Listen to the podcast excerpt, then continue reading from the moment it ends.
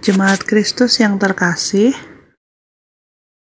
renungan untuk kita malam ini berjudul Belas Kasihan Tuhan. Dan bacaan kita diambil dari kitab Mika 4 ayat 6 sampai dengan 8. Beginilah firman Tuhan. Pada hari itu, demikianlah firman Tuhan.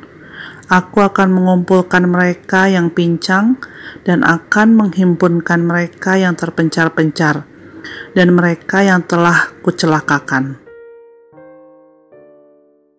Mereka yang pincang akan kujadikan pangkal suatu keturunan dan yang diusir suatu bangsa yang kuat.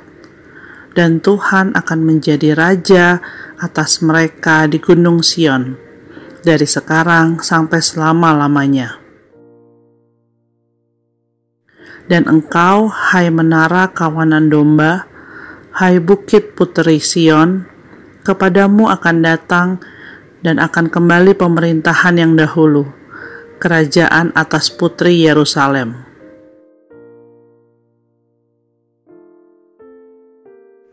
Siapa yang tidak tahu cerita kisah kebebalan bangsa Israel terhadap Tuhan dan pembuangan bangsa ini ke Babel?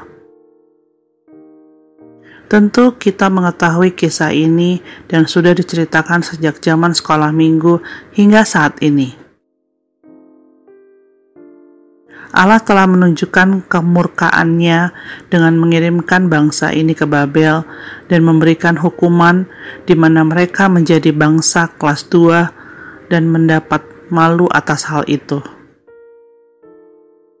Tetapi Tuhan juga bukanlah Allah yang pendendam dan mau melihat bangsanya terus-menerus dalam masa penghukuman. Karena itu dikatakan oleh Tuhan dalam ayat 6, Aku akan mengumpulkan mereka yang pincang dan akan menghimpunkan mereka yang terpencar-pencar dan mereka yang telah kucelakakan. Allah adalah sosok yang maha pengasih, pemurah, dan di saat yang sama dia juga penuh dengan ampunan. Tetapi jangan lupa bahwa Allah pun adalah sosok yang penuh dengan keadilan, tegas, dan sangat membenci dosa. Karena itu, biarlah kita tetap berjalan dan bernafas sesuai dengan firman yang telah ditetapkannya dan tidak mencobai Tuhan dengan berbuat dosa.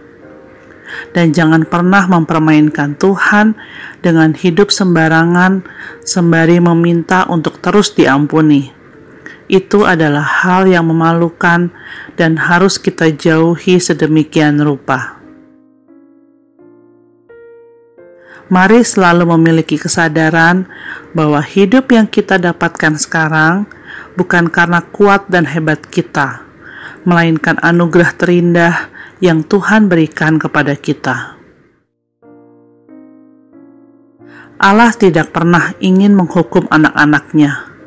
Suatu kedukaan bagi hati Tuhan jika Ia harus menghukum kita oleh karena perbuatan kita.